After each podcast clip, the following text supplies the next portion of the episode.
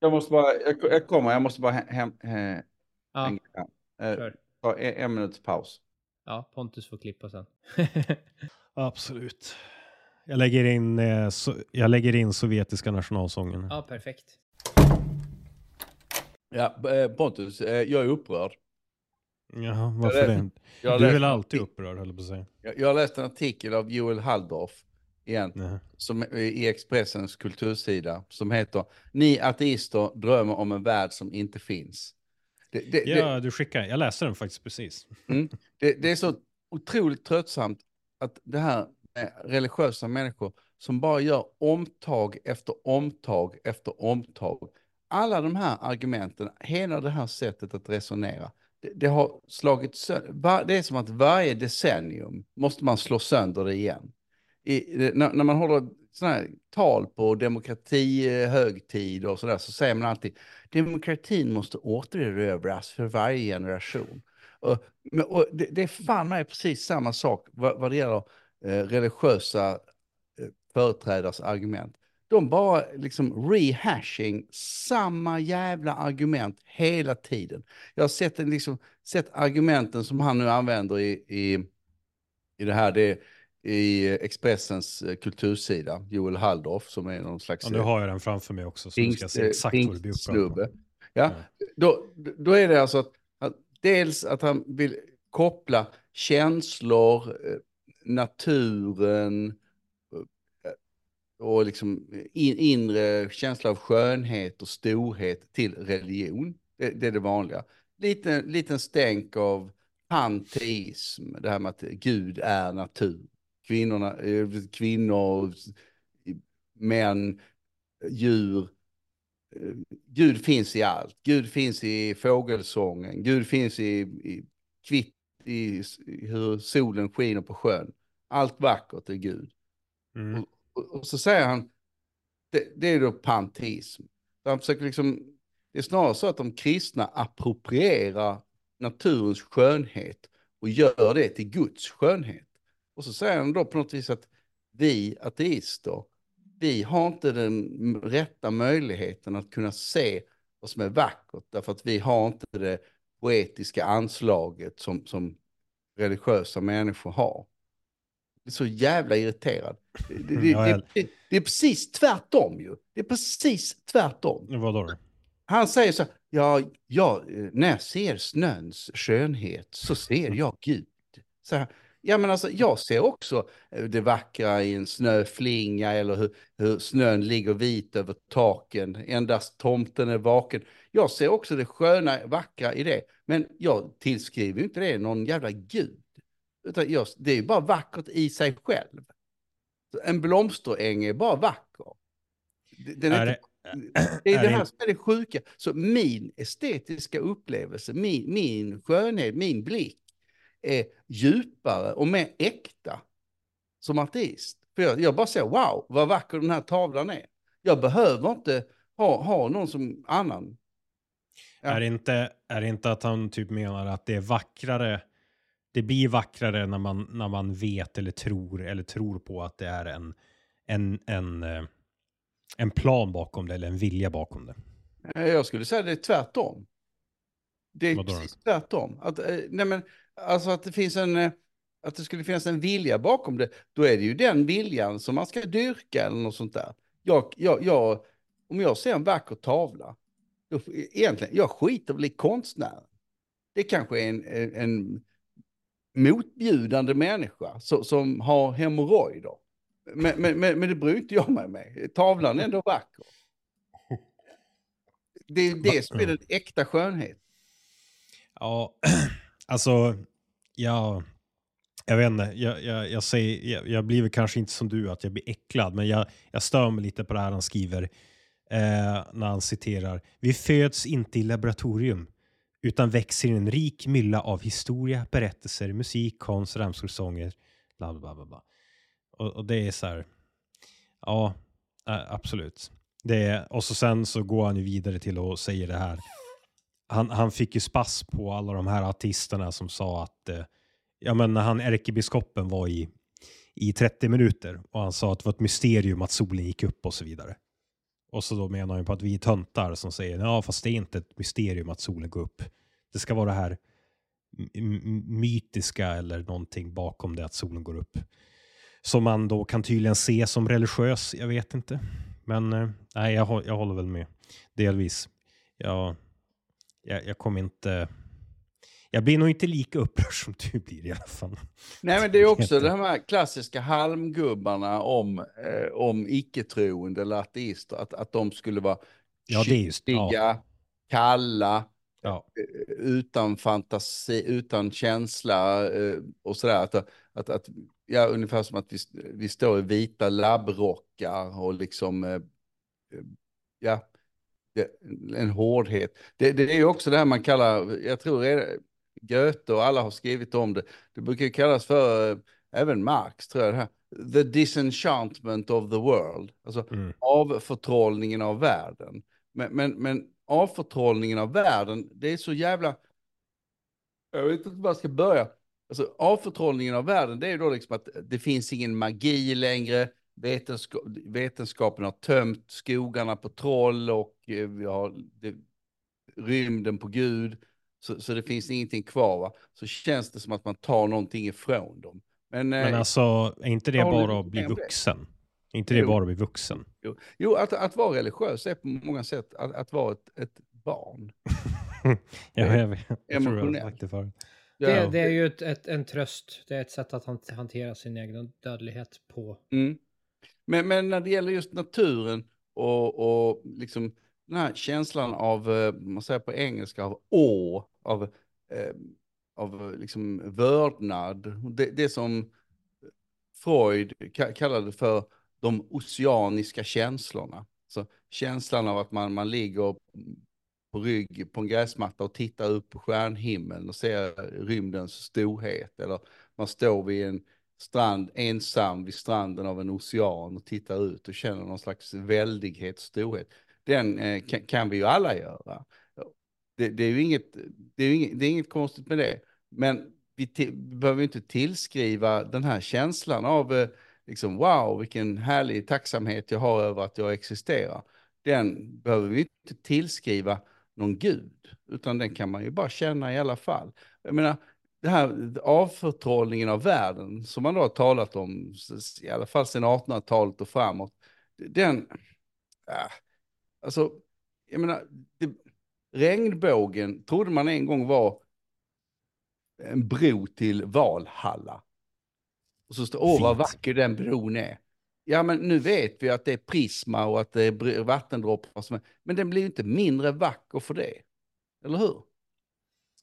Regnbågen är eh, Guds löfte att han aldrig kommer eh, döda hela mänskligheten igen, enligt Gamla Testamentet. Är det Fan, det visste inte jag. Ja, det var ju alltså Noas ark, du vet. Eh, mm. Efter mm. det, efter att Gud hade fyllt hela världen med med ja, havsvatten och så vidare så, så kom det en regnbåge och då, då står det, tolkas det som att ett löfte. Så, så när, när en, en, ortodox jude ser en regnbåge så, så tar man det som ett, ett dystert tecken på att eh, mänskligheten inte, inte lyder eh, Gud. Det är en påminnelse om att, om att passa sig. Ja. Men, men alltså finns det inte en för jag, jag, åh vad jag har glömt vem som skrev eller sa det. Det var någon jäkla filosof som jag läste, som jag totalt glömt bort. Jag glömmer alltid bort sådana, sådana där citat. Men det var någonting i stil med, nej men argumentet var ungefär, eller han la fram det som att det här kalla, kalkylerande, rationella räknandet på, på, på, på, på världen eh, som, som resulterar då i de här till exempel modernistiska byggnader, byggnaderna istället för det här traditionella byggnadet. Alltså du vet, typ eh, om du vet hur eh, brutalism ser ut, hur man bygger. Mm. Ja, ungefär det fast applicerat på livet överlag.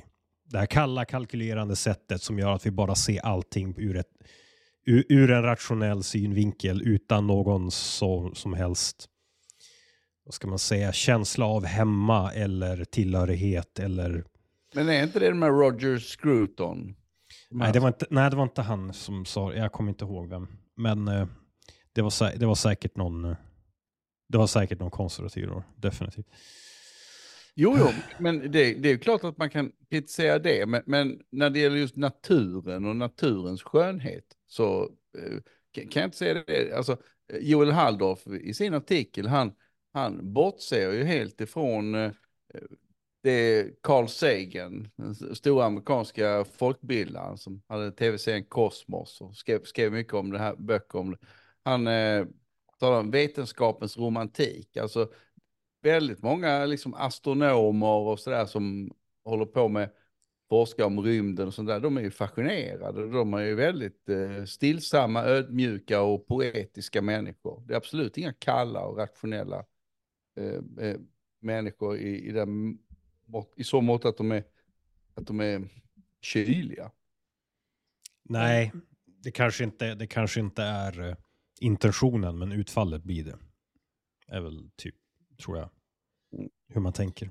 Men vad säger du, uh, Lukas, om, om Jordan Petersons argument som, som tro, jag tror det är en, Nietzscheanskt, att, att ateismen oundvikligen leder till nihilism? Nej, det gör den ju absolut inte.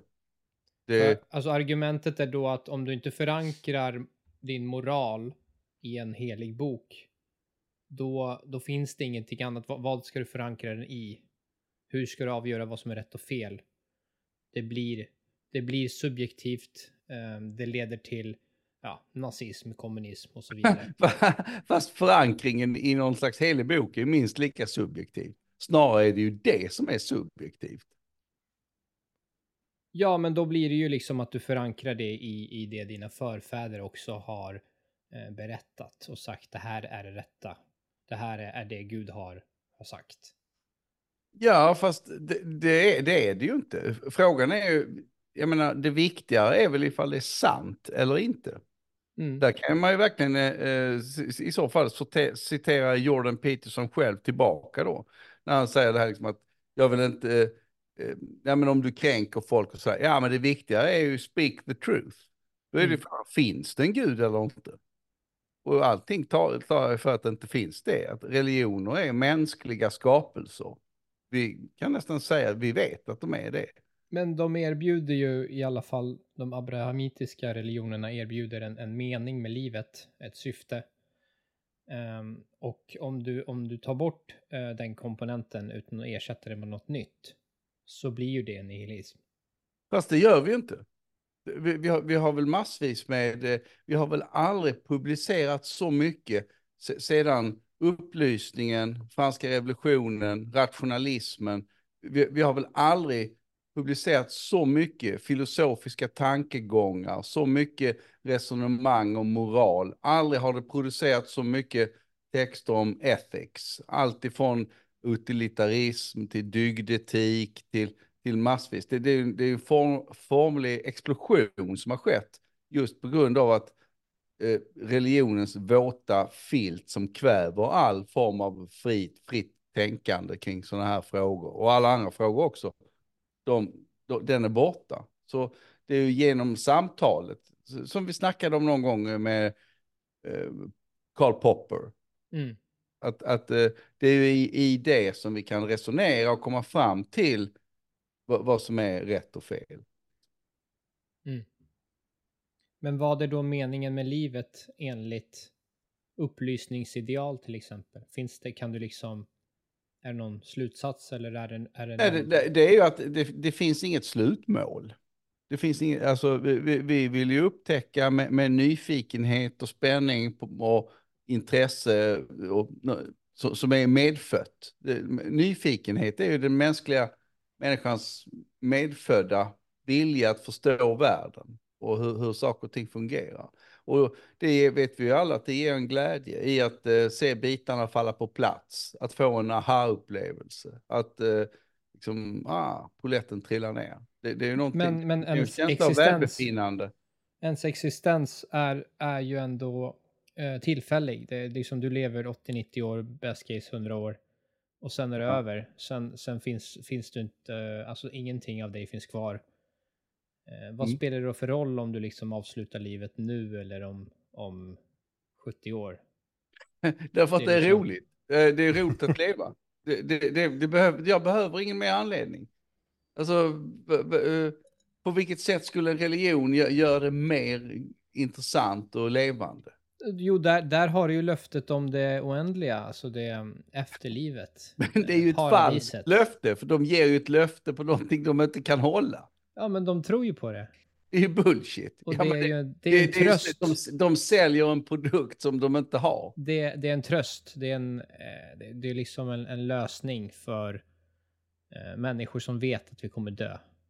Och Men- dödsångest som annars... Alla vet att vi kommer dö. En normal 12-åring och uppåt vet att vi kommer dö. Det är det enda Ja, det, och det är just det som är problemet. Hur hanterar du den dödsångesten utan, utan någon slags eh, metanarrativ? Sprit.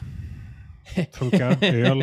Nej, ja, nej, men alltså det, det är väl... Det, det, det är väl men sanningen att så är fallet är, är väl en större är väl en större känsla av välbefinnande. Jag skulle väl snarare säga det faktum att vi vet att vi har bara ett liv som varar i 90 år. Det tvingar ju oss själv, det tvingar ju oss till eh, konkretion. Det tvingar ju oss till att göra någonting vettigt med vårt liv. Hade folk på fullt allvar inte brytt sig överhuvudtaget och tänkt att man skulle leva i evighet, då, hade man ju bara, då kan man ju bara skita i allt. Nu, Ja, nu- men de, de tror ju- att det här livet är liksom ett, ett slags eh, test av, av Gud. Han, han liksom ser hur du beter dig, hur du uppför dig. Eh, om, du, om du liksom stjäler eller om du betalar för dig. Eh, och om, om du då lyssnar på hans eh, krav så har du liksom, ja då har du ett, ett, ett liv som varar för alltid i, i paradiset. men, men, Som inte är sant. men det är ju påhittat. Ja men det, det är ju inte, de tror ju på det. Det är ju det som är problemet. Jo, men jag kan ju hitta på en egen religion och säga, du ska slå en kullerbytta varje dag klockan 12. För Gud vill det. Mm. Och sen kommer du vara evigt. Men va- varför skulle du göra det? Det är ju... Det finns ju, det är ju det här man kallar Pascals wager. Att man, man ska be på något vis för, därför att det kan ge en... Det ger en... en det Ja fast, en- fast det handlar ju om någon som inte, som är så osäker och kanske bara, "Ja, men för säkerhets skull så kan jag tro på Gud. Men de här människorna, alltså jag tänker på religiösa, kristna, judar, muslimer och andra religioner. Men de, de är ju helt övertygade om att, om att eh, deras religion är den sanna. Eh, och det är delvis också det att de, det är liksom, de har blivit indoktrinerade med en religion eh, som liksom sedan de var små barn. Eh, Så det går ju inte på samma sätt att bara hitta på en ny religion idag. Det, det, är- det är ju religioner som har existerat i över tusen år. eh, Alla Fast, tre. det, fast det, det, det uppkommer ju religioner hela tiden. Eh, Ja, men det har ju inte samma tyngd när det har en liksom mer än tusen års historia och bakgrund och liksom omfattande eh, teologi. Alltså det bästa argumentet tycker jag för att eh, religioner är påhittade det är att den, den största, vad ska man säga, korrelationen med vilken religion du får det handlar om var du föds. Mm. Så ja, du kommer med största sannolikhet inte att bli kristen ifall du föds i muslimland X. Du kommer med största sannolikhet, in, sannolikhet inte bli muslim ifall du föds i Kiruna. Mm. Liksom, det är... Men det, Det- förutsätter också att, att vart du föds är helt, eh, det är en slump. Och det tror ju inte de här religiösa människorna. De tror att det, det är meningen att just du är du. Du är ett resultat av dina, dina förfäder. De har liksom, de har adopterat en viss religion och följt en viss religion och så, och så, och så kommer du till världen så är det också deras plikt då att du följer samma religion. Så det är inte en slump att, att eh, en muslim Nej, jag som- säger ju jag, jag, jag säger att det är inte en slump vilken religion det är. Det, Nej, men det, Det argumentet biter alltså. inte på dem på grund av det att de inte tror att det är en slump. nej, de Men då måste man titta på, alltså att om, om, man ser, om man ser hur religioner har utvecklats, vi kan ju studera det på samma sätt som vi kan studera allt annat så kan vi ju se genom liksom psykologi, sociologi, historia, religion, kritisk re- religionshistoria, så kan man ju se hur, hur olika samhällen har uppkommit och man kan se hur liksom ett, ett nomadsamhälle som har mycket djur, de har djurgudar och så, liksom en, en indianstam i Amazonas, de har sin, sin, sina gudar, flodguden och eh, en, en ökenreligion i Mellanöstern har då liksom någon slags, där det är bara tomt och platt och den öppna himlen. Där har de en, en monoteistisk religion. Det, det är ju, det är ju det är människans omgivningar som skapar, skapar religion. Mm. He- Helvetet under vikinga, i vikingatidens eh, hel, det, det var ju ett ställe där det var kallt och jävligt och man frös hela tiden. Det, det var, det var eh, dit du kom liksom om du var dum i, i, den, i den antika, eller ja, i den fornnordiska mytologin. Då, och det är precis så som det är här. Så helvetet för, för vikingatiden, det var liksom ungefär som att stå på en busshållplats i snöblandat regn och vänta på en buss som aldrig kommer med lite för lite kläder. Som i hela Västerbotten förra veckan, minus 40. Ja, ja och, och eh, eh, ja, jag skulle vilja säga det hellre minus 40 än här som i Skåne där det är nollgradigt. Liksom att du, Äh, det där är du sånt jävla... nej, du det står där är så fryser, jävla det är fuktigt och det är vått. Du, liksom, du springer till bussen med våta strumpor. Liksom, Det där- där- det, är det där- jävligt, det är fan mycket Du värre. har inte hellre minus 40 än plus minus Det 0 finns en i Skåne. skönhet, Nej, en, en, minus 40 så går ju inte ens ut. Alltså du fr- fryser ju liksom det läpparna av kri- dig. krispigheten i luften, är estetik i sig. Har Du känner liksom hur lungorna fryser till is när du andas när det är så kallt. Ja men det gör de ju inte. Nej, men det känns som det du, alltså det Ja blir- men jag känner, jag känner en om, krispighet. om förresten om du börjar springa ut i minus 40 och hyperventilerar, då är det livsfarligt. Ja, står, står, dessutom är det minus 40 så är det nästan alltid vindstilla och väldigt eh, vackert. Liksom, kristall, jag, jag, jag ser Guds skönhet i ögonen när, när jag ser det, minus 40. De är helt, helt vita. Ja. Du blir troende då. Ja, mycket Nej men, nej men vadå, välkommen till Skåne där det är så minus en grad och slask. Liksom, fy fan. Alltså, och, och så alltid blåser det. Alltid mot. Jo, men det är för att ni har ju inte ett... Ni, ni, om jag st står på ena sidan av Skåne så ser jag andra sidan av Skåne, typ. Ni, ni har ju för fan inte en kulle ens. Mm. Skyll er själv. Ja, Eh. nej, men eh, så att jag, jag, jag vet inte. Nej, eh, he- hellre ordentligt kallt skulle jag säga. Eh, Mm, jo, ni, ni söderut brukar säga det. Mm. Sen när, tills ni bor där det är kallt. Då, Men jag tycker diskussionen är, är jätteintressant. Jag tycker det här med, det är ju liksom Sam Harris mot eh, Jordan Peterson om, om moral. Eh, och eh, det är ju, det är, alltså Sam Harris har ju skrivit en bok om det, att man kan, eh, man kan, eh, man kan liksom extrahera moral från vetenskapen. Nu har inte jag läst den boken, men det, det, den, den liksom- jag har läst den. Den är väl inte hans starkaste bok, rent filosofiskt. Men jag, de här, den här typen av debatter, den har ju förekommit. Den, den kommer liksom sådär vart 20 år hela tiden. Eh, Vad var det jag tänkte på? Det, det var någon... Det har ju funnits fler... fler Det var väl alltså flera tusen år sedan, det var, var väl han Protagoras som, som påstod att, att eh, moral var rel relativt. Och sen kom, eh, kom väl eh, Sokrates, eller var det Platon som sa att eh, den är absolut. Nej, Ja, ja, absolut. Ja, jag, nej, men jag tänkte på, vad, vad sa du det här med den här debatten om, eh, med, den var väl tio år sedan nu med Jordan B. Peterson och Ja. eh, Sam Harris. Men, men jag menar, då, då ska jag komma ihåg, alltså på 20-talet var det exakt samma debatter mellan Bertrand Russell och eh, ärkebiskopen av Canterbury. Mm. Den finns inspelat på radiotal, transkriberat. Det var exakt samma sak sitter ärkebiskopen av Canterbury på 20-talet, på 50-talet och säger som Joel Halldorf, den här pingstnissen, säger eh, i dagens Expressen, eller om det var gårdagens, om, om ateismen, att, att den inte fungerar och, och så. Det de, de bara åter, de, de, de bara väntar tills de, de, förlorar debatten Mm. och sen så väntar de tio år, så tar de om det i samma de, debatt igen. Det, det, är jävligt, jag vet inte vad man ska göra åt det. Det är jävligt märkligt alltså. Hur, hur- ska man, jag vet, eh, jag läste någon sån här artikel om Wikivars, om, om eh, människor som, när det är då väldigt inflammerade saker som sker, så, så, om man skriver en Wikipedia-artikel om det, typ eh, kriget mellan Serbien och Kosovo. Så liksom, Kosovo har en väldigt tydlig bild av vad som har hänt och serberna har en väldigt tydlig bild av vad som har hänt. Och sådär. Slobodan Milosevic, är han en folkhjälte eller en folkmördare? Det, liksom, det, det finns inget mellanting där.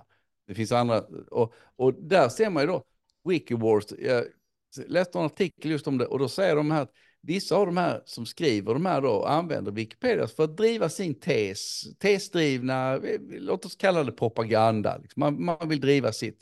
Då säger de, då så förlorar de kanske argumentet. Så då bara låter de bli att svara, så väntar de åtta månader, sen börjar de redigera igen. Alltså de, de, de ger sig aldrig, de, de, de, de, de har liksom en agenda. De, de vill pusha det här på, och det är samma sak med religiösa människor det är inte så att de egentligen, att du kan ta de här religiösa människorna som argumenterar i vårt, eh, i vårt öppna samhälle, att de egentligen är intresserade av att ändra sig. När de säger, ja, jag tycker det är intressant att diskutera religion eh, utifrån alla aspekter. Ja, men bara så länge du landar i det du vill landa i. Inte, inte alla så då? Ja, Mer eller mindre? Nej, inte, nej, inte jag. Jag ändrar mig ifall, eh, ifall du visar att, att jag har fel. Det, det gör jag. Uh, som jag kan visa dig att du har så jävla fel när det kommer till jag har hellre plus minus noll i Skåne än minus 40 ja. i Västerbotten. Ja, men om jag då visar dig en brinnande buske, Lukas. Ja. Vad säger du då? Jag var i T-spriten, säger jag. Nej, men eh, jag, jag vad, vadå? Nej, men det är väl klart. Jag har inga som helst problem med att tro. Det, det är så löjligt. Om det fanns mirakel som, på, på samma nivå som beskrivs i Gamla Testamentet. Ja. Och, och profeter. Faktiska en. Profet, jag, vadå, en, jag kan vara profet. Jag, Nej, jag, men en, en jag går ut och ställer mig vid som, liksom- centralstationen med, med, med, med en skylt och skriker att jorden Nej, men, men, men, men, men med profetier som kan verifieras och som verifieras över tid. Ja, fast det, det gör de ju aldrig. Nej, men ponera att det skulle hända. Då är det väl ingen profetia heller. Då är det ju an, antar jag, liksom, någonting som de kommer fram till vetenskapligt utifrån olika analyser. Jo, jo, det är klart, det är klart om det är så, ja men det är klart att kommer ändra mig, självklart. Mm. Uh, det, det, är väl inga, men, men, men hur ska du verifiera det? Ja, men det är ju bara, uh, säg vad, uh, okay. Nej, men det uppstår en, en Greta till exempel som säger att jorden går under om, om X år och, och, och, och vi ja, kommer men det ska se... ju vara något, vänta, det ska ju vara något kontrollerbart. Om ja. du säger, Lottonumret den 27 augusti 2024 kommer att vara denna sifferserien. Och så skriver du den till mig, jag tar den, vi låser in den i ett bankvalv och låter den ligga där, helt mm. kontrollerat. Mm. Och sen så kommer ut, det låter vi, du, du har förutspått. Ja, bra. Wow, då ska jag säga, wow, du kunde förutspå det. Jag kors i taket. Här är mm. någonting att undersöka, skulle mm. jag säga då. Absolut. Ja, men det är bra. Bra, du är en progressiv hjälte Lukas. Men tillbaka till det här med, med Sam Harris och liksom objektiv moral eller vetenskaplig moral. Eh, mm. Vad skulle han svara för, ta, ta liksom en klimataktivist i typ Extinction Rebellion som kommer och säger att det moraliskt riktiga är att vi, mänskligheten tar kollektivt självmord för att vi är en parasit på den här världen. Det, det är min objektiva moral. Vad, vad liksom, hur, hur, ska, hur skulle Sam Harris motbevisa det och säga att det, det är högst omoraliskt att mänskligheten tar kollektivt självmord?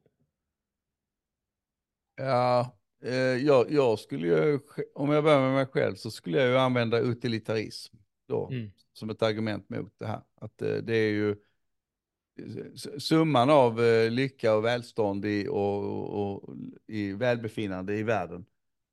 Eh, där är människan i högsta grad en, en del av det. Ja, men då så. förutsätter du människan över djur som också har medvetande. Ja, ja. Nej, men jag är ju emot djurplågeri. Ja, men om, om den här klimataktivisten skulle säga att människans närvaro, närvaro på jorden är skadligt för djurens eh, välmående. Ja, fast det, det är den ju. Ja. Men, men, eh, men, varför skulle djuren ha överhöghet eh, på något vis över människor? Varför ska människan ha överhöghet? Därför att vi kan. Och därför att vi dessutom kan välja. Så det är makten som avgör? Va? Det är makten som avgör? Ja, vi människor har makt över naturen. Så mm. vi kan göra det. kan ju inte det. En, en gråsugg eller ett rådjur kan ju, kan ju inte, de har ju ingen agens. Nej. Men makt är väl inte nödvändigtvis moraliskt? Men jag vet inte, nej precis. Därför så är det ju frågan, jag vet inte varför du tar in makt här. Nej, för du, du nämnde att, att vi har makten och liksom... Ja, vi kan välja, vi har valmöjlighet. Djur men vad, kan vad sätter oss på toppen kan av inte hierarkiet? välja. därför att vi kan välja. Ja, vi kan välja kollektivt självmord. Ja, men, men varför skulle vi? Eh, Alltså, det, det, vi har ju en njutning av att leva här i den här världen. Varför skulle vi inte göra det? Vi är en parasit. Ja, och vad, är det för fel, och, vad är det för, och vad är det för fel på parasiter? Vi, vi parasiterar på jorden och eh, ja, stjäler naturresurser. Och vad är det för fel på det? Ja, det, vi, vi skadar jorden och vi skadar, skadar djur. Men jorden är, jorden är ju, är, ju bara, det är bara en, en, den är, har ju inget medvetande. Jorden är ju bara en stenklump som består av Nej, men magma och lava. djuren, djuren på jorden har ju ett medvetande som, som borde Ja, fast vara det, det finns mycket mer människor. Och vårt, och varje enskild, det finns åtta miljarder människor. Det finns ju inte alls lika många eh, kännande dju- djur som är ryggrads. Nej, och det är ju, det är ju människans fel. Ja, precis. Ja, och, och vadå liksom? Jag, jag, eh, jag, alltså djur i naturen dessutom, att, att de då skulle leva i någon slags harmoni och sådär, det, det vet vi ju också. Mm. Det, det gör de ju inte alls. Det hade varit ett Leva utopi. som rådjur. Den, Alltså, den ädla, äd, ädle vilden. Tänk vilken, enorm, tänk vilken enorm glädje och lycka vi ger åt hundratals miljoner djur genom att de får lov att existera. Till exempel ta får. Hur många hundra miljoner får?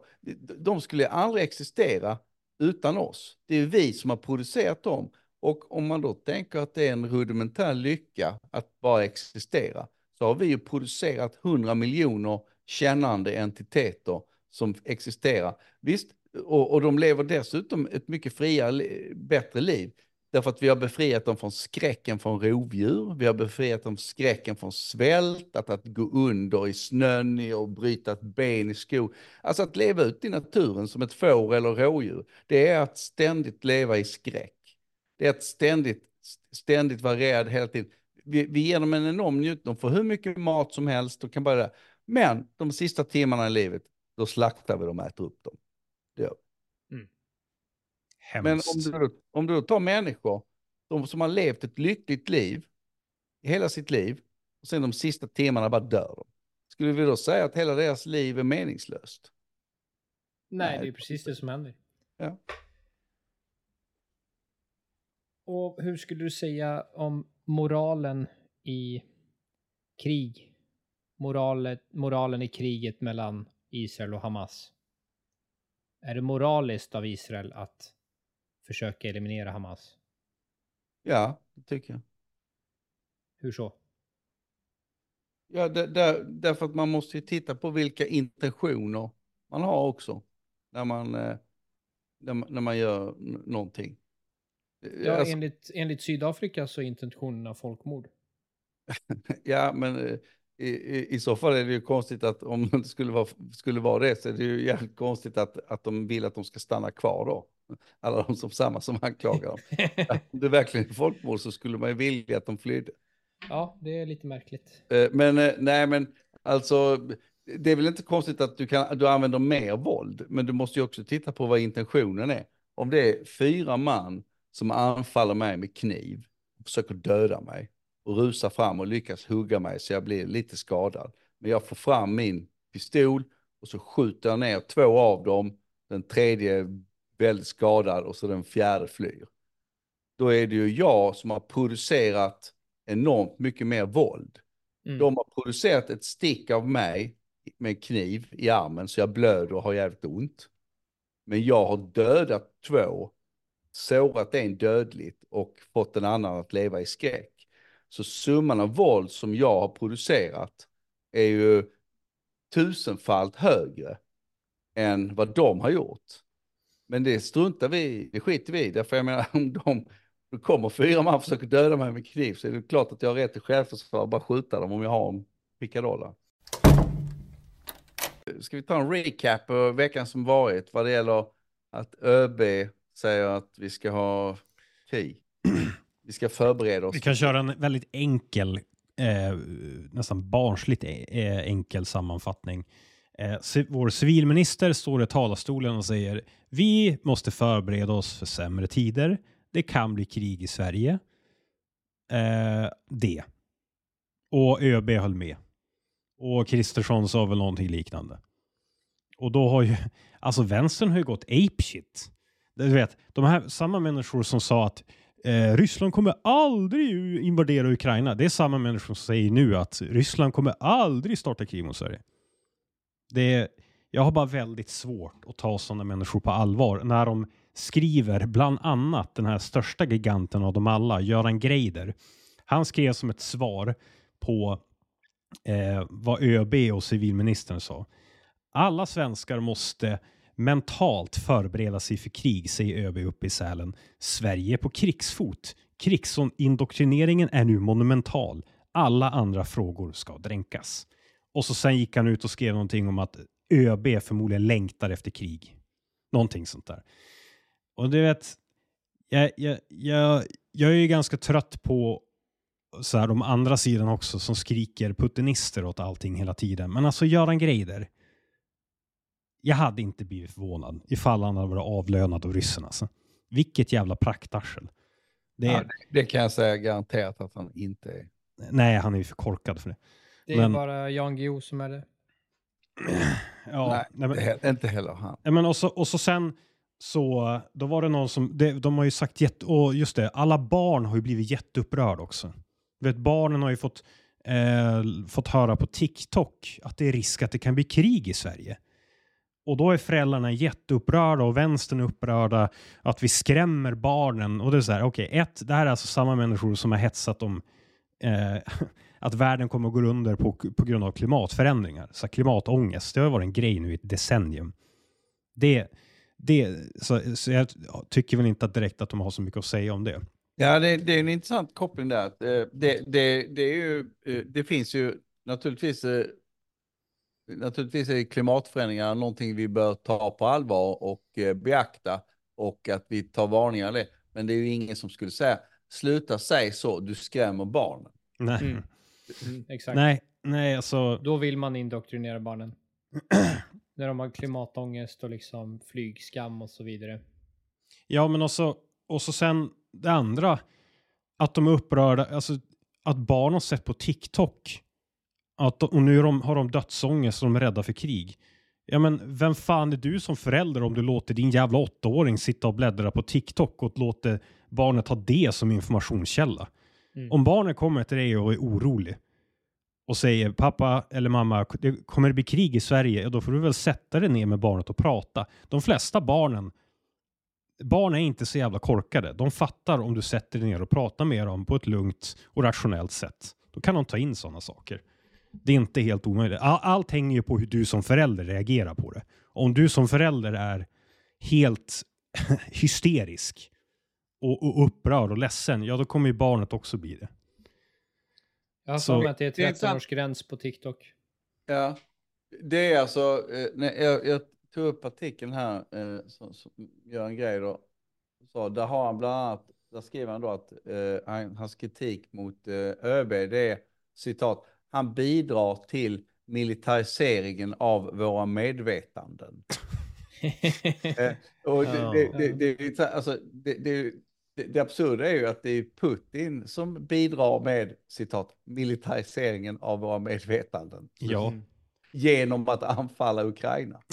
ja. ja Samtidigt ska... så läste jag att, att, äh, att de liksom skriver om Trump att han, han hotar att liksom droppa ur NATO och så vidare. Det, det, var inte det han sa.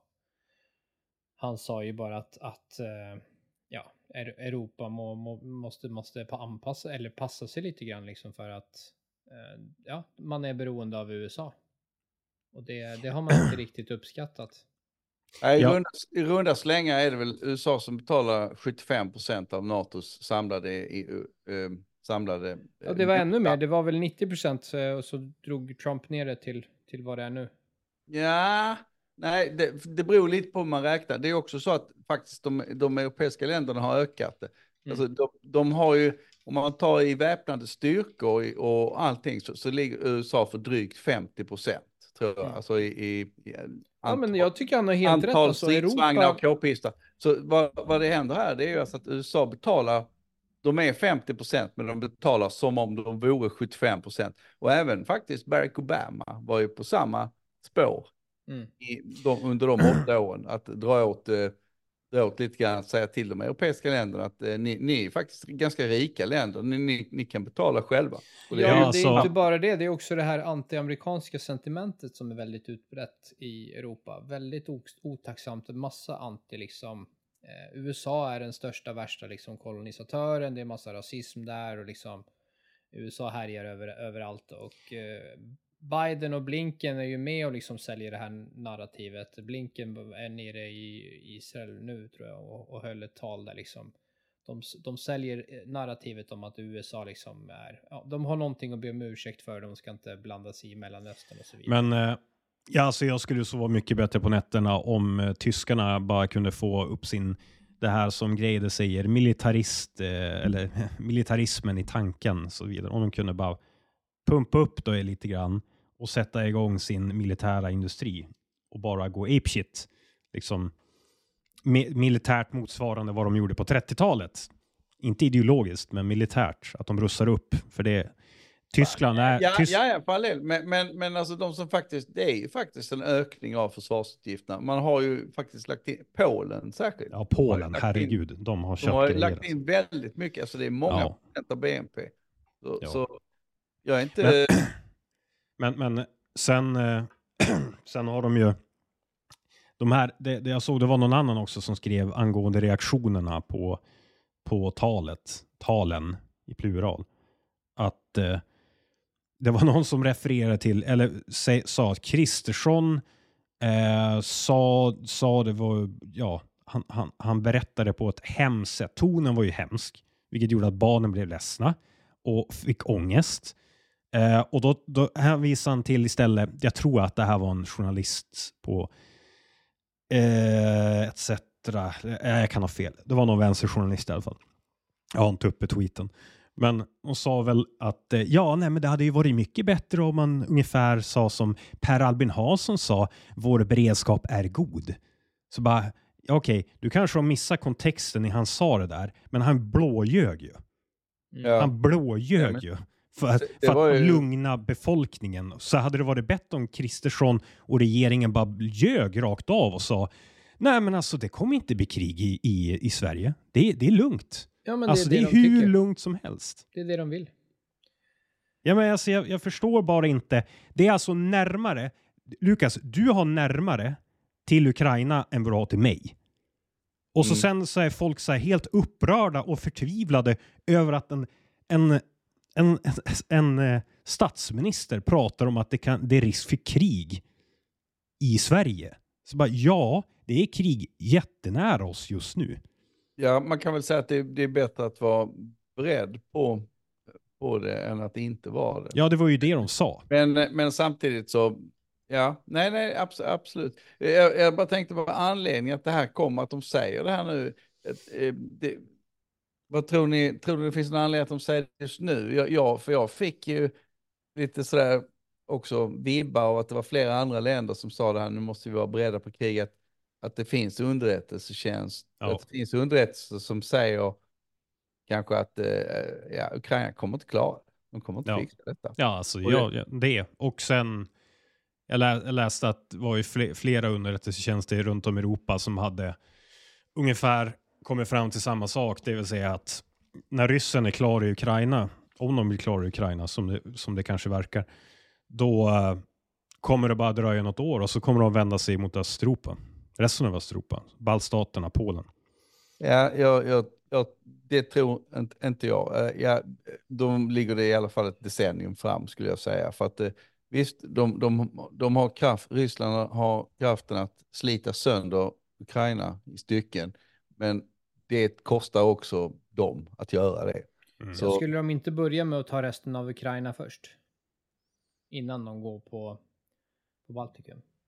Ja, jag vet inte. Det är väl egentligen skitsamma. Men, alltså, men, men min, min poäng är väl här att, att de, man pratar om den här, eh, att man skulle, det var en offensiv, nu ska vi ta tillbaka. Och kanske blir det här istället ett ganska långt ställningskrig där de har de här oblast, de här fyra områdena då, oblast, eh, och eh, Krim. Så, Ja, så ja. Kommer, de, kommer det etableras ett, ett, en, ett samförstånd att här är den nya gränsen. Så kommer det bli, eh, som man brukar säga, establishing facts on the ground. Att man, man bör dra vägar, det byggs murar, minfälten permanentas. Så blir det de facto en gräns som går där. Och i så fall så har ju Ryssland vunnit de här områdena plus Krim. Är, Ja, men vad är, det, vad är det man säger? Jag vet inte om det... Alltså det är väldigt många ukrainare som inte vill. Alltså den här sunken cost eh, logiken. Du vet, man har lagt så många människor. För jag menar, det är inte som att Ukraina, jag menar vad pratar man om?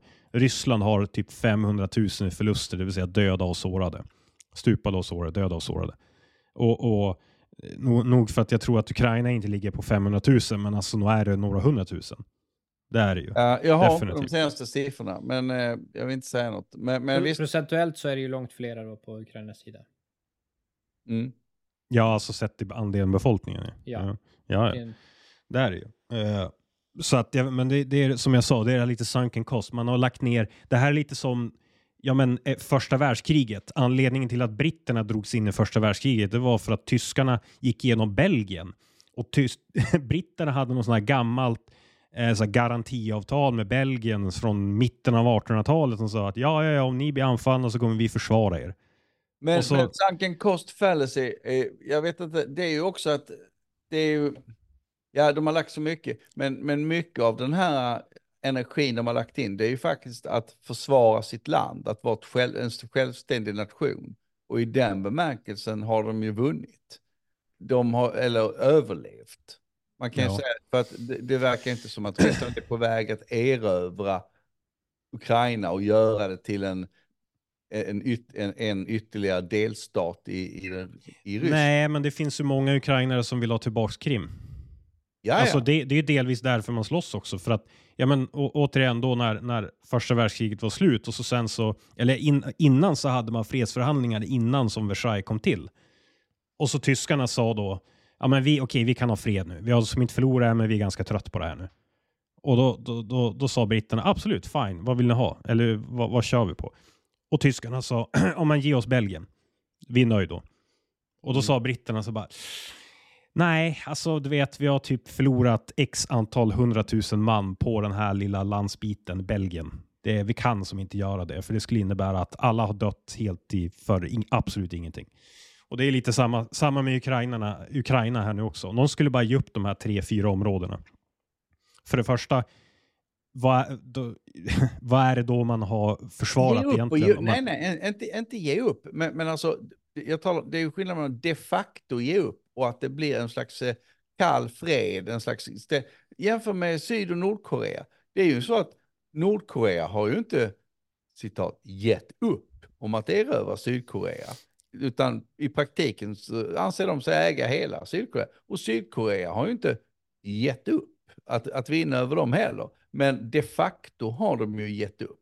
Alltså, det är fortfarande inget fredsavtal, det är krig.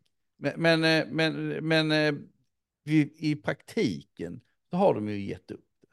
Och det är väl det som jag tänker mig då i framtiden jämför, dålig liknelse så, men, men Ukraina att de facto inser de att ja, ryssarna har tagit de här områdena, det är för jävligt, men nu är det som det är och vi måste köra vidare. Eller jämför ännu närmare exempel då, Pontus, Finland. Finland Mm. förlorade 11 procent av sin land, totala landyta under andra världskriget. Ja, Det, och, det var, och det var Karelen då som är bland de typiskt finska delarna av, av, av ty, typiskt finländskt landskap och kulturlandskap och sånt som, som de förlorade. Plus Ja. lite gruvdistrikt uppe i norr som, som folk har glömt bort att prata om som de också Ja. förlorade. Men Mm. där fanns eh, fosfater har jag för mig. Jag, jag är inte riktigt, jag kan vara fel där. Men, men de gjorde det. Så att, men finnarna, det, det är ju bara att ja, men nu är det så att eh, vi förlorade 11 procent av vårt landyta, men eh, vi är en självständig nation med en egen, eh, egen agens och, och, och så. Och det är kanske det som är resultatet. Ja, jag tror väl bara det är lite svårare för eh, Ukraina att svälja, svälja det än vad finnarna gjorde, fick svälja. Med Varför? tanke, ja, men jag, alltså, Sovjet hade väl åtminstone något så här, du vet, till viss del helt realpolitiskt mål att man säger att man vill ha en buffertzon mot Leningrad. alltså huvudstaden, på Sankt Petersburg. Man vill ha, man vill ha en buffert. Det var ju det, det var ju huvudargumentet till, till eh, till, ja, ja, men det är ju till, absurt eftersom Finland är ett helt fredligt land. Ja, ja, det var ju jo. bara lögn. Men, men alltså, det, Ryssland ser ju inte Ukraina som ett eget land, ett eget folk, en egen kultur. Alltså man, man tar ju ukrainska barn, flyttar dem till ryska områden för att förryska dem. Alltså det gör, det, gjorde, det gör man ju inte med finnar på det sättet. Alltså det här är ju en helt Det var annan... de som stannar kvar i Karelen. Ja, det, de Det, är det inte var ingen som stannade kvar, de blev, ju, de blev ju deporterade allihopa. Ja, de fick ju fly. Ja, men, men det jag menar är att det är ju som en... Nej, jag vet inte. Jag, jag, det är bara en liten annan... annan alltså finnarna har ju alltid haft den här relationen till, till Ryssland som vi också har haft i Sverige. Vi har alltid haft den ryska björnen i öst. Ukraina har ju som alltid försökt bli fri från den. Men har aldrig lyckats. Och nu när de väl Ja, det är en bra liknelse. så då är det som... Då, då, ja, jag vet inte. Jag tror det är bara lite svårare och deppigare för dem att, att liksom, ja, vi fick vara självständiga i 30 Ja, år. fast det, alltså, resu- med, an, ja, men, men De allt, behåller ju fortfarande ju- ett väldigt stort land. Alltså, ja, och om de har ju ett, e- det, alternativet är ett evigt krig. Jag, jag är mer rädd för liksom det re- realpolitiska, moralen och incitament man skapar om man låter Putin behålla genom att invadera ett anfallskrig. Då, då skickar man ju en tydlig signal att det, det, är, det är liksom makt som gäller. Och, Nej, men man eh, kommer aldrig någonsin att erkänna de här oblasten, de här, de här östra delarna, här Donetsk och... vad- men vad- har det för effekt för Putin? Han, han bryr sig väl Nej, inte nej, han, nej, det är klart han skiter i det. Men, men, det, men det har en effekt för det, det moraliska, så att säga. Jag menar, Mm. att du kan inte vinna ett, krig, ett erövringskrig Mm. eh, i internationell bemärkelse. Du kan vinna det på, på marken, men du kan... Mm. eh, facts on the ground. Men du kan inte... Vi kommer aldrig acceptera det. Nej. Eh, Nej, alltså jag, jag tror bara, alltså någon sorts, jag tror inte det, jag tror inte det kommer bli någon vapenvila. Jag tror väldigt många, eh, vi, jag, jag tror väldigt många inser att det här kommer, jag, jag tror att det här kommer hålla på i år till. Jag kan ha fel, jag kan ha jättefel. Ja, ja, det, Men- det, men jag tror, jag tror också det. Det är, det är ett långt krig. Eh, jag skulle säga när, när Putin dör.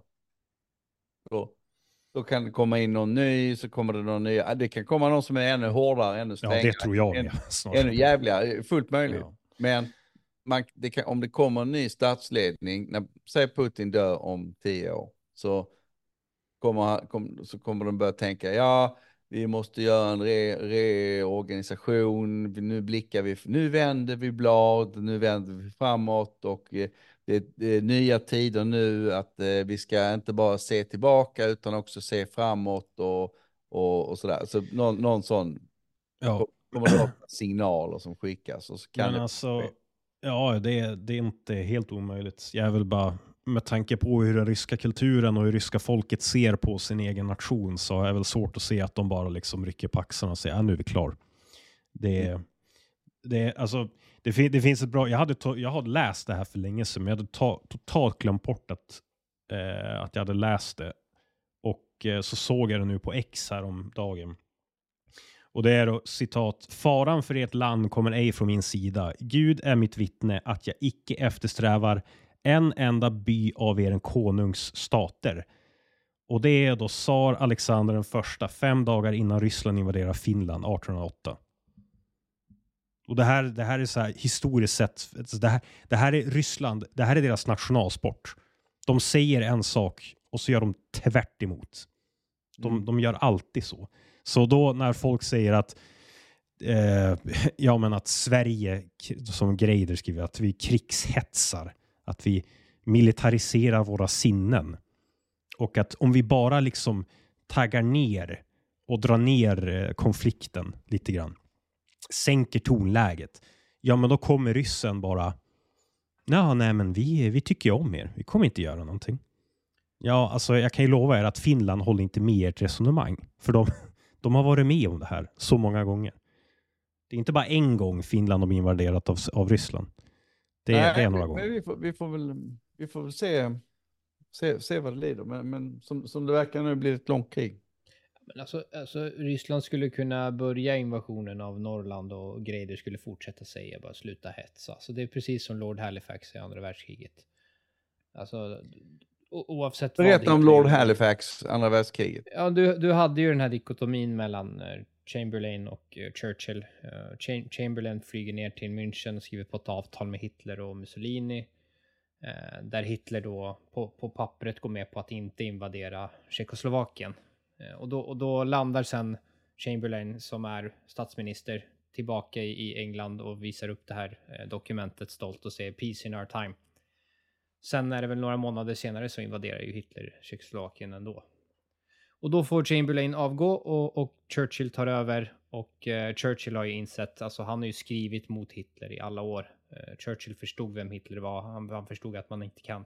Det är vissa människor man inte kan förhandla med. Det finns inga diplomatiska lösningar med, med, med Hitler.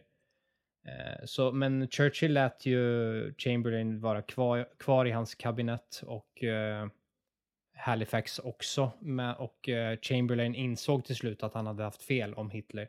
Men Halifax fortsatte, även i liksom långt senare så fortsatte han att påstå att du är mutad. Eh. Vem var Halifax?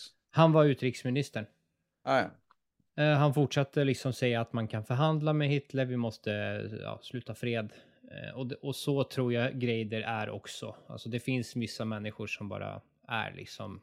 var ju en viss sorts förhan- förhandling. Krig är ju bara politik med andra medel. Så att, Mm. mm. Nej, det är klart att om, om det, det, det, det är intressant det här när man, när man inte kan ändra uppfattning just därför att det, det ändrar hela ens människosyn. Det ändrar hela ens världsbild. Det ändrar hela ens, hela ens sätt att vara. Mm. Om, om, om man skulle erkänna detta här så blir, det här är bara ett exempel, men det finns ju tusen andra exempel, eh, inklusive kanske allra tydligast religion som vi börjar prata om. Att Mm. om man skulle göra det så är det på något vis som att det börjar en, en upplösning av en själv som person. När man, när man gör det. Man, bara, Mm. man kan inte tänka det helt enkelt. Då, då blir man en annan människa. Ja, det handlar ju när man, det, handlar, alltså det händer när man adopterar eller associerar ens tankar och ens ideologi eh, med ens identitet. Ja. Och det var väl, vem, var det Jung som sa att vi har inte idéer, men idéer har oss? Jag tror det var Jung som sa det. Ja. det jag, De, Nej, jag tror det var Carl Jung som sa att, att eh, liksom, vi tror att vi har massa idéer, men egentligen så är det idéer som har oss. Det är liksom, och det, det stämmer till en väldigt hög grad, så är det liksom alla politiska åsikter du har, eller de flesta åsikterna du har, är ju egentligen någonting du har anammat eller fångat upp av någon du ser upp till. Du har ju liksom läst en bok, du har sett på YouTube, du kanske hört en, en kollega säga någonting smart och bara, ja, men det där, det där låter förnuftigt.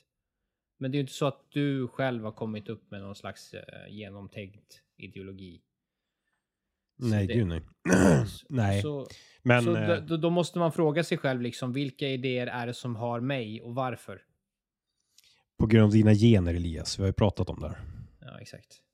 Det är anle- anledningen till att jag som jag är som jag är, det är till 50% eller mer på grund av mina gener. Och det är ingen slump att eh, de allra flesta barnen har ganska liknande åsikter, ideologiska åsikter som sina föräldrar. Inte alla, men väldigt många. Mm. Det är ingen slump direkt och det är ingen slump Nej. heller att eh, liksom, ja, nej, nej, eh, nej, jag ska inte fortsätta in på det spåret för då, tar det, då fortsätter vi in på samma igen. Ja, men, Men, det är eh, ju 50% låter rimligt. Men, ehm, nej men jag, jag är bara så, och så, det, det, det märks så jävla, det, det, det är lite sparka in öppna dörrar och säga att vi är fredsskadade, men alltså vi är ju, Mm. vi förstår ju verkligen inte vad det är. Alltså vi, vi har varit så långt ifrån krig, inte bara alltså i praktiskt hänseende, men även mentalt. Vi har inte ens tänkt på det. Vi, vi tänker inte på allting runt omkring och hur jävla jobbigt allting blir. Så då när, när vi har en civilminister och en ÖB och en statsminister som faktiskt säger rakt ut utan att liksom, ja men sockra på det för mycket. Mm. ja, då får jävligt många ångest. Vilket jag kan förstå. Jag menar, det är inte som att, även fast jag har liksom soldatutbildning, att jag har varit anställd, det är inte som att jag bara går och hoppas på att det ska bli krig. För krig suger. Det, är, det finns en anledning till att jag inte har åkt ner till Ukraina, även fast jag hejar på Ukraina. Och att eh, jag, jag, för jag vill inte dö i Ukraina. Alltså Mm. ska jag dö i krig, då vill jag ju dö för Sverige, i Sverige. Mm. Och Ja, folk visst. förstår inte ens hur jävla mycket krig suger. Alltså de, folk har ju inte läst, kanske, kanske kan lite om andra världskriget, men det, det är egentligen Ja, första fast jag tror, världskriget man ska jag tror väldigt- studera. det där förs, första världskriget är ju typ i själen hos alla europeer. Eh, Mm. det, det tror jag, alltså och alla krigsfilmer och böcker och allting.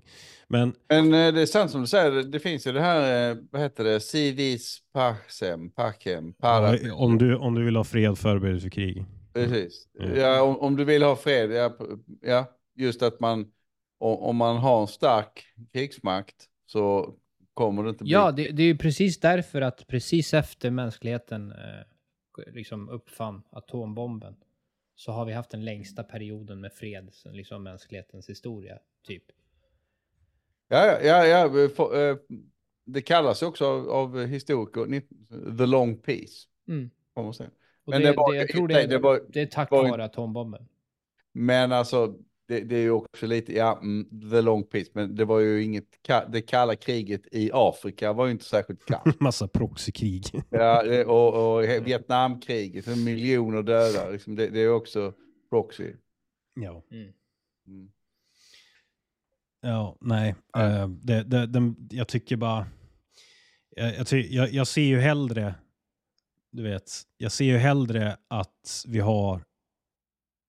eh, Inte att man ska skrämma upp befolkningen, men att man faktiskt får folk att vakna till ur sin medelklassbubbla. Mm. Och så om du tänker... För det, det är egentligen det eh, vår regering efterfrågade. Det är så här, ja, förbered dig för krig. Det betyder inte att du ska ut och gräva ett jävla skyttevärn utanför din lägenhet eller din bostad.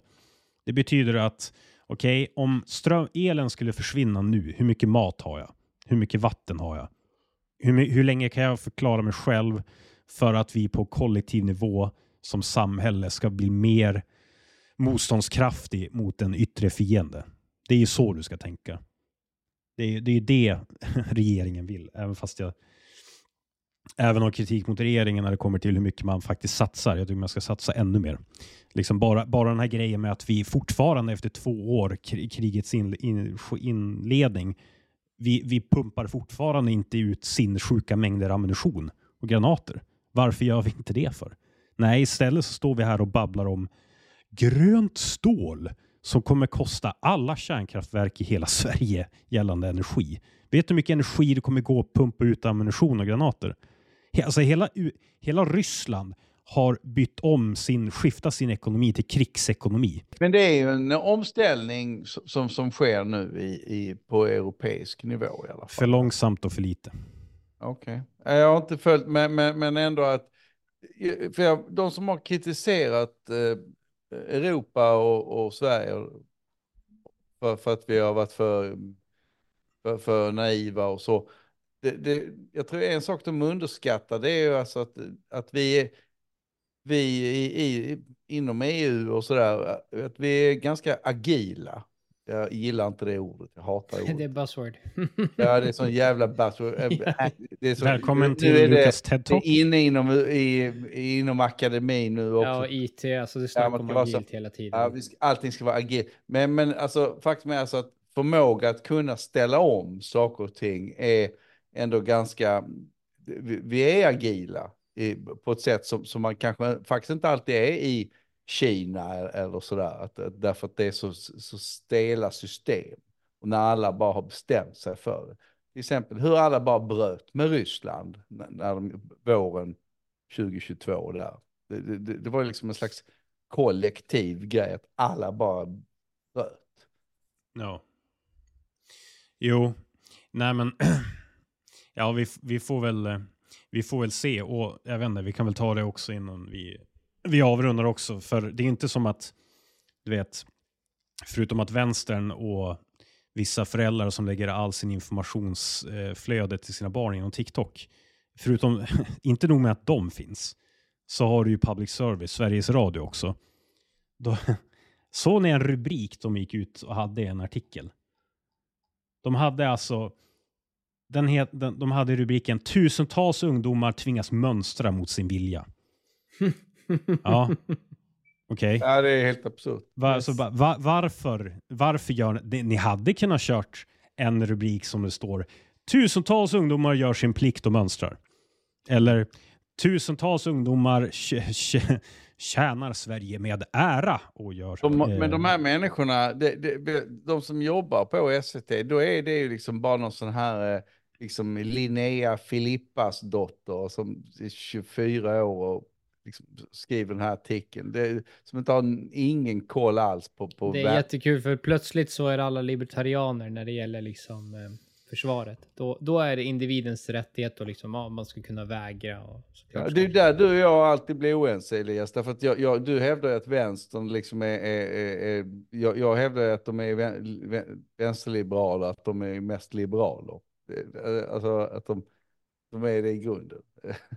men, men, nej, men det är så, det är så, det är så fånigt. Jag menar, vi har ju värnplikt och vi har skatteplikt och vi har skolplikt. Om man skulle parafrasera det som Pontus sa här, eh, vara, tusentals barn tvingas till skolan varje dag mot sin vilja. Exakt. Ja, vad fan, vi har skolplikt, subba. Men det är just det som är grejen när det gäller just, just försvar.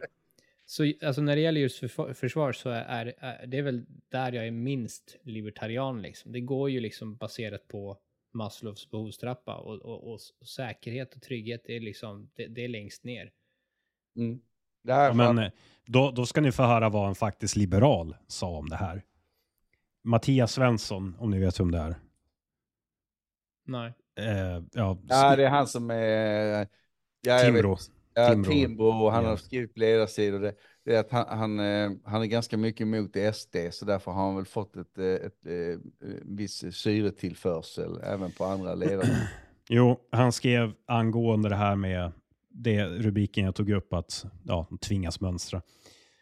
Um, fan vad mysigt med grå, byråkrater, eh, med grå byråkrater med makt att sabba lovande personers idrottskarriärer. De som drabbas måste känna sig supermotiverade att vilja ge något tillbaka till den stat som fattade det beslutet. Så nu är tydligen enskilda individers idrottskarriärer viktigare än Sveriges försvarsmåga. Vet du det? Mm. Fantastiskt. Ja, nej, det är som bara bakvänt. Dessutom, det är så här ännu extra absurt eftersom Sverige faktiskt har ett, ett, eget, eh, ett, ett eget kompani, ett e- eget system för att ta hand om de som är e- elitidrottsmän. Man får särskild värnplikt kan, kan Mm. man göra om, om, och det är inklusive att man håller på med curling och så, sådana sporter. Mycket viktigt. Alltså om, du- om du är, om du kan visa upp Krigsavgörande. Ja, om du, ska, om du kan visa upp att du, det här är liksom, du är mitt i ett skede i din utveckling, så liksom du är världens bästa längdhoppare inom ett år troligtvis, och, och, och du är 20 år ska göra lumpen, då slipper Eller du får göra lumpen, men du får göra den i, vid en idrottsanläggning. Mm. Mm. Ja. Ja. Nej, det är... Det, det, alla de här reaktionerna visar ju på att vi är ju inte förberedda alls. Men eh, vi får väl se. Det ska ju, det ska ju ändras om nu. Nu ska vi ju ta tillbaka den här 30 år av eh, eviga fredens nedläggningsfanatism. Nedläggningsfanatism. Så nu ska vi ta tillbaka det här. Nu ska vi bygga skyddsrum. Vi ska bygga, vi ska mobilisera hela civilsamhället. Det blev en jävla rubrik också såg jag om att det var någons privatpersons jävla typ minibuss som hade blivit uttagen till krigsplacering från försvarsmak av Försvarsmakten. Och det var ju tydligen inte okej. Det var hemskt. Även fast det har skett sedan typ 1700-talet att staten gör så. Men absolut. Ja, nej men eh, alla, det kommer jag ihåg eh, när jag var liten sådär. Eh, någon som hade en folkvagnsbuss och sådär, då, då var det, då, allting var planerat. Jajamän. Varenda, varenda buss. köra och ställa den på, på en grusplan i, Kristianstad och med nycklarna där så skulle den användas för vidare. Allting, allting fanns eh, inplanerat. Det var ju sådär man kunde se, man kunde se på sådana här tv-program där de intervjuar någon eh, på 70-talet så sitter det liksom någon, någon planerare, någon byråkrat, man ser dem bara fullt med pärmar bakom sig på kontoret. Så bara på, inga böcker, bara pärmar. Då satt Ja. ju folk liksom och räknade på detta här. Va? Och inga Ja. datorer, utan allting var bara Där, pärmar. där, ja, där har vi ju det Greider sa, militarisering. Alltså allt i Sverige var militariserat och det var sossar som fixade det. Så att, bring back det kan jag U- säga. Under en tid på 50-talet så, så var det uppåt 5% av BNP. Det var Ja. ju då när de byggde, Alltså det, ja, Muskö- man byggde Muskö, Sturkö och de här, de här stora un, underjordiska eh, Det fin- centralerna. Det. Det finns en, jag ska bara, vi kan sluta med det, men det finns en podd som heter Krigshistoriepodden och deras senaste avsnitt heter Den svenska schweizerosten, där de går igenom hur faktiskt Sverige, hur militariserat Sverige var under kalla kriget. Och då bland annat, vet att det, det finns en skola, jag tror det var vid Kalix någonstans. Eh, det var någon liten by någonstans i- Norrbotten, inte Kalix. Men en sko, vet du vad de hade under skolan? Under golvet? Raketer, Ammunition såklart. Hamas. Ammunition. Precis, Hamas-metoder. Ja, alltså, alltså det, de skämtar ju om det i det avsnittet. Så här, allting i Sverige under den tiden var ett legitimt militärt mål.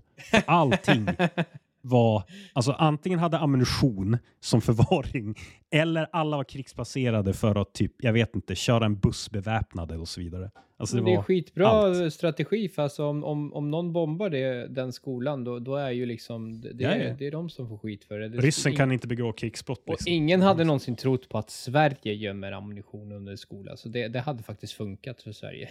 Det- Jag tror med det var logistik då, sånt där, att en, en skola ligger ju kanske ofta mitt i byn, yes. mitt i centrum där alla barn kan gå till, så det är relativt nära, den ligger vid, vid, en, vid en lite större väg.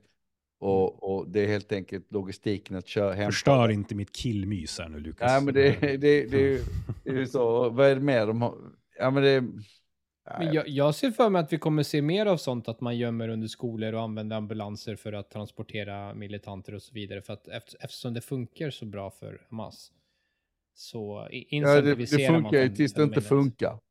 Det funkar Alltså, tills ja, exakt. beslutar sig för att strunta i det. Tror du ryss, alltså ryssen bryr sig inte? Nej, nej, de skulle inte... Nej, det, det, är är ju sant. ointressant. De Men inte mot, eh, mot en demokrati, mot Ja. en demokrati så funkar det jättebra. Jo, det, men det är ju samma sak med alla sådana här, om man tänker sig någon, eh, eh, det här med att, att, eh, att man försöker stoppa med, med eh, vad heter det, passiv, att man ställer sig i vägen för, för någonting. Ja, just det. Vad heter det? Och, och, ja, men, eh, Mm, still i huvudet. jag kommer inte ihåg ordet. Vadå, civil olydnad? Eller vad Ja, du. olydnad, det, det, hade, det hade ju aldrig funkat. De, de, de hade ju, hade, försökt man göra det på, på någon, någon, någon Jag tror jag har sett något klipp på det i Italien så försökte några aktivister limma fast sina händer till asfalten och då kom polisen och bara ryck, ryckte liksom loss händerna. Med, med, alltså de skiter fullständigt i hur blodiga de händerna ser ut efteråt.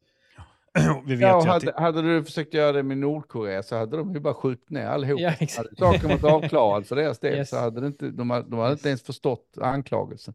exakt. Och de hade ju, Nordkorea hade ju påverkat klimatavtrycket betydligt mer positiv riktning än vad klimataktivisterna hade gjort.